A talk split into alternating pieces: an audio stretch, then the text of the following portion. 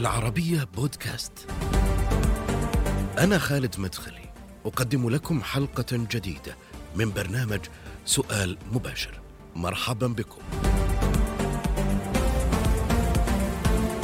هو واحد من أشهر الشخصيات على مواقع التواصل الاجتماعي العربية تثير تغريداته دائما الكثير من المناوشات مع رواد مواقع التواصل الاجتماعي حتى لو كانت هذه التغريدات مجرد تهنئة بحلول أحد الأعياد أو المناسبات الدينية.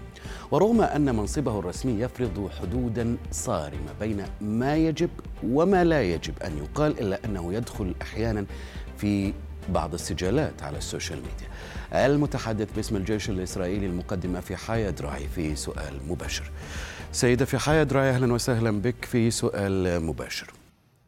أهلا وسهلا لك. خليني أبدأ معك سيدة في حي من الأحداث اللي شهدها أو شهدتها باحات المسجد الأقصى في مؤخرا آخرها ما حدث يوم الجمعة الماضي. وقبل ذلك مناوشات ومواجهات تكررت خلال شهر رمضان وخاصة في أيام الجمعة. اولا لماذا في رمضان يتكرر مثل هذا التصادم في المسجد الأقصى؟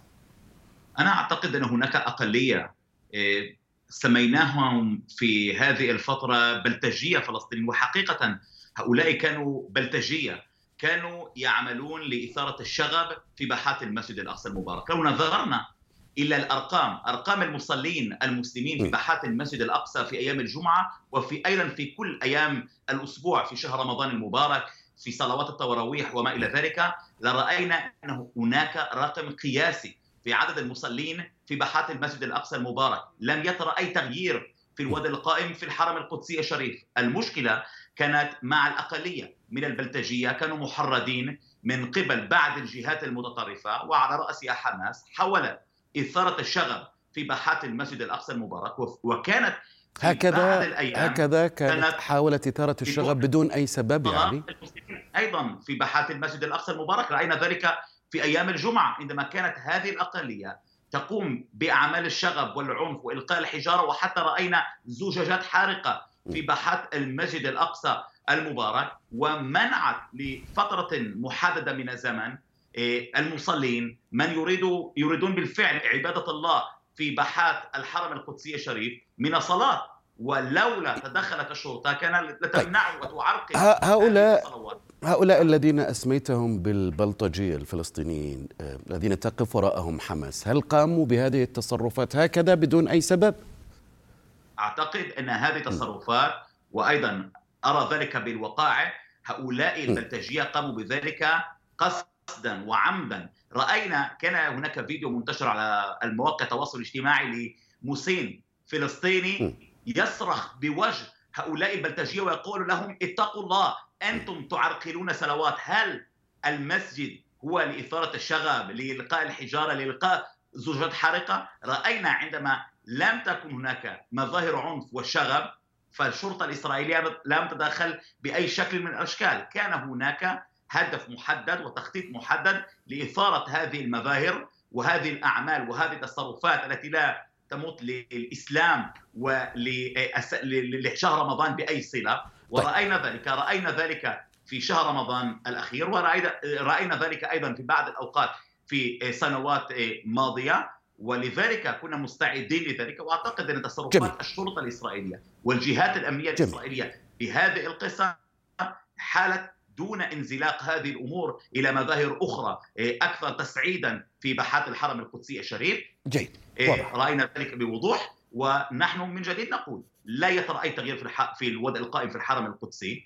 وأيضا هناك أقلية من الفلسطينيين من البلتجية حاولوا إثارة هذا الشغب. هذه الفكرة واضحة. لكن ماذا عن الآخرين؟ يعني البلطجيه الآخرين من جماعات من هؤلاء من الجماعات الصهيونية المتطرفة سيد أخي أدرعي.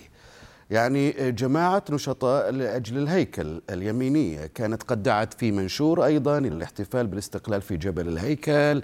دخلوا بأعداد كبيرة بالمئات تحت حماية الشرطة الإسرائيلية. قاموا بممارسات مستفزة لمشاعر الفلسطينيين والمسلمين بشكل عام في المسجد الأقصى. أليسوا أيضا يتحملون المسؤولية عما حدث؟ أولا نحن رأينا أنه لما صدرت بيانات أو صدرت دعوات ما من قبل جهات ما فكان جميع المتحدثين والمسؤولين في إسرائيل من رأس الهرم من رئيس الدولة وحتى المتحدث باسم الشرطة والجيش يتحدثون ويقولون بعبارات لا تحمل أي أي أي شك. بان إسرائيل تحافظ على الوضع القائم في الحرم لا تسمح باستفزازات لا تسمح بمظاهر لا إيه، إيه، تخرج عن نطاق الوضع القائم في الحرم القدسي الشريف. ورأينا ذلك أيضا بالأفعال.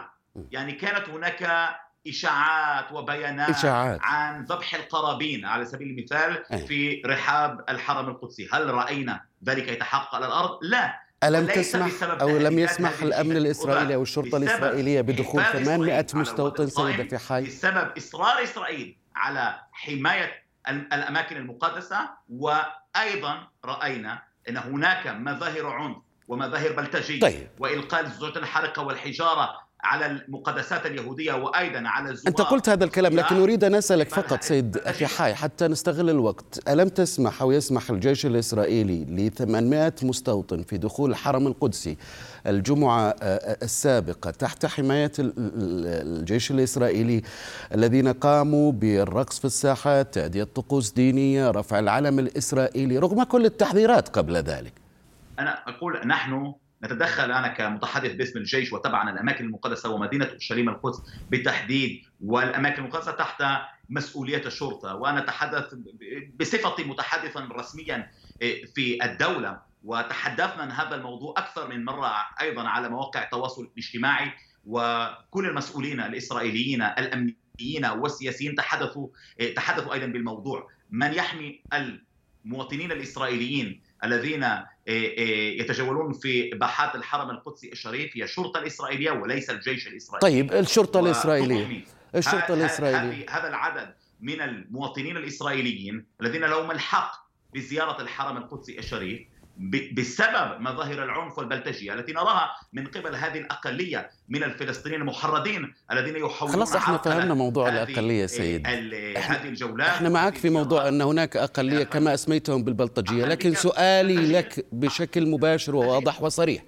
هذه الجماعات آه، آه، أكثر من 42 جماعة تتحدث نشطاء من أجل الهيكل نساء من أجل الهيكل أطفال من أجل الهيكل وغيرها من الجماعات الصهيونية التي كما توصف بالمتطرفة. ما هو الموقف منها؟ لماذا يسمح لها ويسهل لها الدخول وممارسة طقوسها الدينية في هذه المنطقة؟ ويتم التعامل بشكل مختلف مع الفلسطينيين. أليسوا مسؤولين عن هذه الفوضى عن هذه المواجهات أيضا؟ من جديد أقول أنا متحدث باسم الجيش الإسرائيلي وليس متحدث باسم الشرطه وطبعا ليس متحدثا سياسيا وهذه الأسئلة آه، تندرج في إطار الأمور السياسية. وأقول آه، الأمور بوضوح إسرائيل تصون حريه العبادة في الحرم القدسي الشريف. رأينا ذلك بالأرقام مئات الآلاف كل جمعة في رحاب المسجد الأقصى المبارك دون أي تدخل دون أي مشكلة بحرية عبادة كاملة التي تصونها إسرائيل وتحافظ عليها. إسرائيل تؤمن وتحافظ على الوضع القائم في الحرم القدسي الشريف وتطبق ذلك على الأرض. الشرطة الإسرائيلية تتدخل يعني عندما كان الحديث والشغب مثل ما رأينا عندما ألقيت المسؤولية على البلطجية الذين أسميتهم بالفلسطين تخليت عن وظيفتك كمتحدث باسم الجيش الإسرائيلي وتحدثت كواحد من الشرطة الفلسطينية الشرطة الإسرائيلية. وعندما سألتك عن هذه الجماعات الصهيونية المتطرفة تقول بأن هذه المسؤولية تقع على الشرطة الإسرائيلية. أيضا أعيد السؤال. هذه الجماعات ما هو الموقف منها؟ الموقف الإسرائيلي. هل هي جماعات متطرفة صهيونية آه، تحاول فرض أمر واقع تستفز مشاعر المسلمين أم لا؟ هناك جهات مختلفة سواء كانوا إسرائيلية أو فلسطينية أو عربية وما إلى ذلك. أنا لست محولا ولا أريد أن أتحدث عن هذه الجماعة أو جماعة أخرى. أقول بوضوح أي. إسرائيل تسن حرية العبادة في الحرم القدسي الشريف ونحن نرى ذلك. يمكن لأي جماعة ولاي جهه أن تصدر بيانات وأن تلقي منشورات وما إلى ذلك. الحقيقة وما يحدث على الأرض هو الأهم. ونحن نتحدث عن حق الإسرائيليين وحق اليهود بزيارة وبقيام بهذه الزيارات. ونحن نؤمن نؤمن ذلك. ونحن نتحدث عن حرية عبادة كاملة.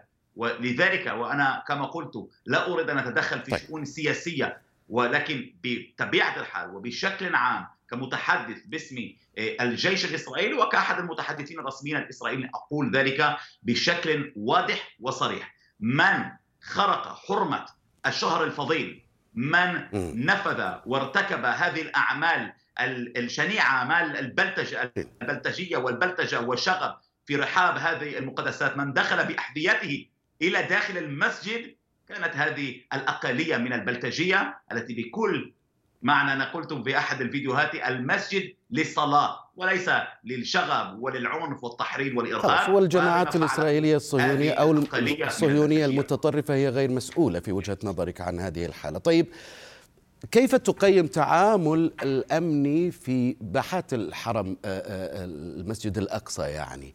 هناك من يتحدث على أنه في تفاوت في تعامل الشرطة الإسرائيلية مع الفلسطينيين وفي مقابل هذه الجماعات آه، الصهيونية المتطرفة. ترحب بهم عند باب المغاربة تؤمنهم لدرجة تصل إلى منع أي حتى مسلم مسلم من المرور من من جوارهم. هل ذلك صحيح أو كيف ترد على ذلك؟ من جديد وأنا لست متحدثا باسم الشرطة الإسرائيلية وأنا نظرت وشاهدت آه، تعامل الشرطة الإسرائيلية وقوات الأمن الإسرائيلية مع الأوضاع الميدانية وأنا أعتقد أن الشرطة الإسرائيلية وذلك موثوق أيضا بصور تدخلت عندما كانت هناك حاجة لذلك وإسرائيل بشكل عام والشرطة الإسرائيلية كانت حريصة كل الحرص على إطاحة الفرصة واحترام آه، حق وحرية العبادة في رحاب المسجد الأقصى والحرم القدسي الشريف رأينا ذلك بالأرقام. رأينا كم من المسلمين صلوا في المسجد الأقصى في الحرم القدسي الشريف طيب. في أيام الجمعة في صلوات التراويح على مدار الأسبوع دون أي تدخل دون أي مشكلة. وهذه حقيقة وبالصوت والصورة في المقابل أيضا سيدة في حي هناك صور وفيديوهات تعاكس ما قلت فيه أو ما قلته وتحمل مسؤولية على جماعات. كذلك تستفز مشاعر الفلسطينيين والمسلمين في المسجد الأقصى وباحته بما تفعله من تصرفات. عموما سؤالي لك آه، آه، سيدة في حي حول مهمتك الآن يعني. أنت تتواجد في وسائل التواصل الاجتماعي صباح مساء فيسبوك تويتر وغيرها وتكتب وتشارك في كل شيء حتى آه، تضع أغاني لفيروز لرغب علامة لأليسا وغيره.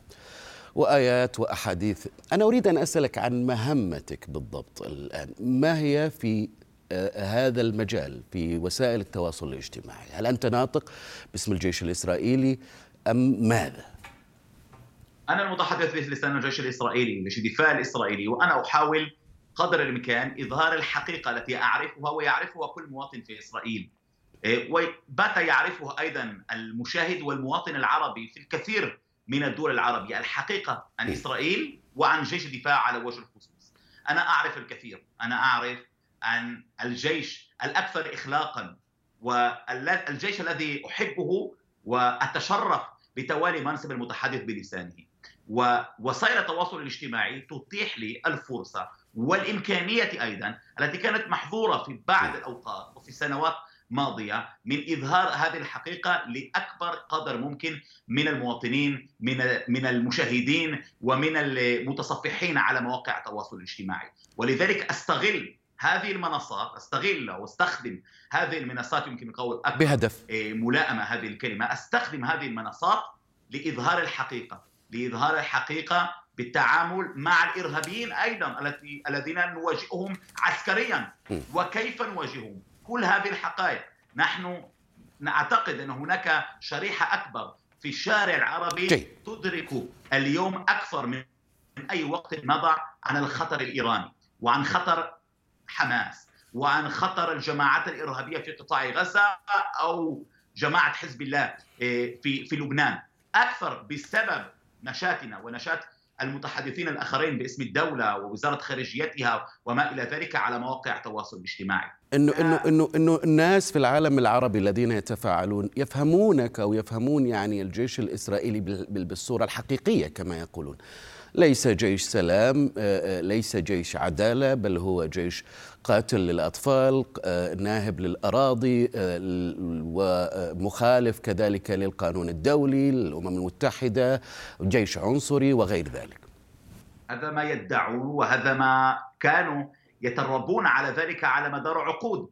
واليوم عندما ينظرون إلى إلى قصة فريدة من نوعها أن الجيش الإسرائيلي كان من أول الجهات والجيوش في العالم الذي قدم يد العون والمساعدة لجيرانه السوريين في الحرب الأهلية هناك. م. آلاف من السوريين من المدنيين تلقوا العلاج والعمليات الجراحية في المستشفيات الإسرائيلية. آلاف الأطنان من المساعدات من الملابس من الأغذية من الدواء الإسرائيلية كانت تنقل عبر الحدود الإسرائيلية السورية إلى السكان السوريين في المنطقة السورية. هل كان للمشاهد العربي للشارع العربي أن يدركوا هذه الحقيقة وأن يفهم هذه القصص لولا كانت وسائل التواصل الاجتماعي ونشاتنا هناك عندما ننظر طيب. إلى المعابر مع آه، يهوذا والسمرة مع الضفه الغربية ونرى صور الجنود والمجندات الإسرائيلية يبتسمون ويرحبون ويتفاعلون ويساعدون وعندما نرى القصص فريدة من نوعها لقيام فلسطينيين بالوصول إلى المستشفيات الإسرائيلية. والصور التي تعودوا عليها للضرب والقتل والتدمير وغيرها. طيب خليني خليني أسألك عن عن مقطع فيديو سيدة في حي حياة الأطفال والنساء والمسنين والرجال. فلسطينيين تعرضوا على سبيل المثال خليني أسألك عن مقطع فيديو أنت أظهرته أيضا في شهر رمضان. حقيقية عن جيشنا عن ربما عن مقطع فيديو كان فيه جنود عرب كما قلت يفطرون في شهر رمضان وشاركتهم في هذا الفيديو. ما هو حجم وجود الجندي العربي أو الجنود العرب في الجيش الإسرائيلي؟ هناك كثير جنود عرب في الجيش الإسرائيلي يخدمون في كل الوحدات العسكرية. م. كل الوحدات العسكرية. كم عددهم تقريبا؟ يعني هذا هذا كمان الجيش الذي لا يعرفه وكان لا يعرفه المشاهد العربي لأن وسائل الإعلام كعاداتها وكدورها ربما تسلط الضوء على الأحداث في إسرائيل في أوقات حرب وتصعيد وتهديدات متبادله وما إلى ذلك. ما رأيك في الاتهامات التي تقول بأن ال... خدمة الجنود العرب مسلمين مسيحيين دروز في في جيش واحد في عائلة واحدة جنبا إلى جنب يهود شركس دروز مسيحيين إسلام كلهم في وحدات آه، آه، آه، وحدات مشتركة في وحدات فريدة من نوعها قتاليا استخباريا تكنولوجيا طبيا وما إلى ذلك. عندما نرى الجندي أو الضابط العربي يقدم يد العون والمساعدة للمواطن السوري الذي في أيام الحرب. هذا الجندي العربي جميلة جدا. هذا الجندي العربي الذي تقول بأنه يظهر بصورة وردية بشكل يعني متساوي مع غيره من الجنود. أليس من المفارقة يعني أنه يعتبر كذلك أو يقول أو يرى بأنه هو مواطن من الدرجة الثانية عندما يعود إلى قريته أو بلدته يرى حجم الإهمال الفقر فيها مجرد أماكن بائسة آه، بلا صناعة بلا زراعة بلا صادرات بلا هذا ما يتحدث عنه الكثير فيما آه، آه، يتعلق بالجنود العرب من صحراء النقب البلدات الغير معترف بها من قبل إسرائيل. أليس ذلك عنصرية وتمييز؟ لا بدو ب... ب... لا أتحدث بوضوح. لا توجد أي عنصرية في الجيش الإسرائيلي. وأنا عندي الكثير من الأصحاب والأصدقاء ورفاق الدرب من المسلمين من الدروز من المسيحيين من كل الطوائف والأديان في إسرائيل. وأنا أعرف وأرى كيف أصبح هذا الجندي أو هذا الضابط الذي كان يعمل أو يخدم في هذه الوحدة القتالية أو التكنولوجية كيف أصبح مديرا كبيرا في آه، المؤسسات العامة في إسرائيل أو الخاصة أو آه، سفيرا أو ما إلى ذلك. وأراهم أيضا من حولي في الوحدات العسكرية بكبار الضباط آه، يقودون أحدث الوحدات تكنولوجيا وقتاليا وما إلى ذلك.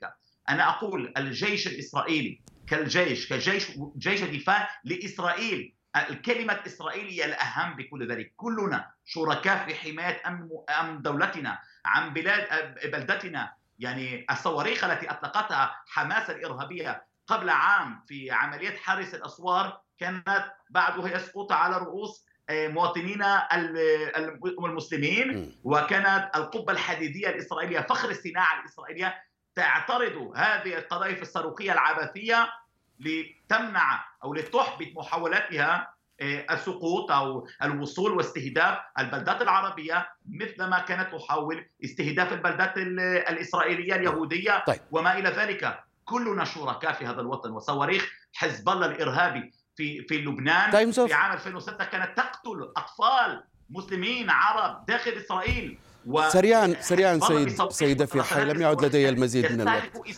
تقرير نشر. في صحيفة إسرائيلية معروفة آه، عن تحركات من قبل الجيش الروسي المتواجد في سوريا وتسليم بعض النقاط والمراكز لجماعات تابعة لحزب الله جماعات كذلك تابعة لميليشيا الحرس الثوري المنتشرة كثيرا في آه، آه، سوريا.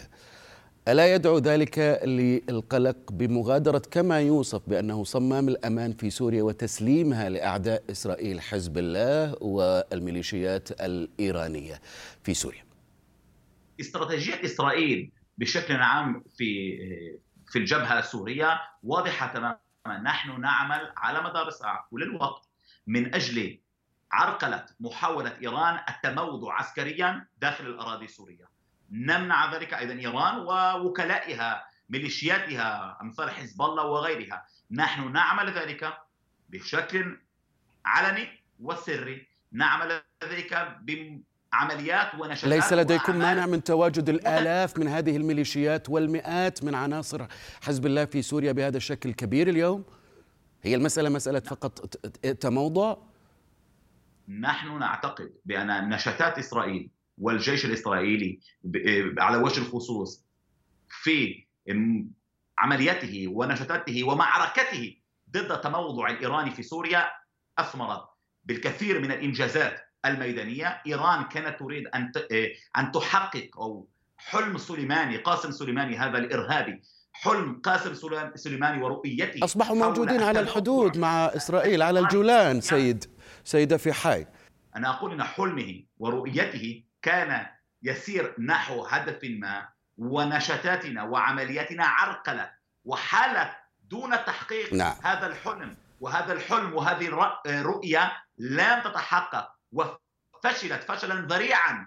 ونحن مصممون على مواصلة نشاتاتنا بكل الطرق من أجل منع تموضع إيران عسكريا على حدودنا. نحن لا نتسامح ولا نسمح بأن تحاول آه، إيران أن تطلق آه، ميليشيا حزب. الله ثانية على حدودنا مع سوريا، لا نسمح بذلك. واضح. ولا نسمح بتموضع العسكري على حدودنا، ولذلك هناك الكثير من النشاطات منها ما هو مكشوفا ومنها ما هو لا مكشوفا آه، لعرقله ولاحباط هذه واضح واضح. شكرا جزيلا لك المتحدث باسم الجيش الإسرائيلي المقدمة في حي الدرعي نهاية هذه الحلقة من سؤال مباشر دائما يمكنكم متابعتنا على يوتيوب فيسبوك وتويتر والاستماع وأيضا إلى حلقتنا على شاهد والعربية بودكاست. إلى اللقاء.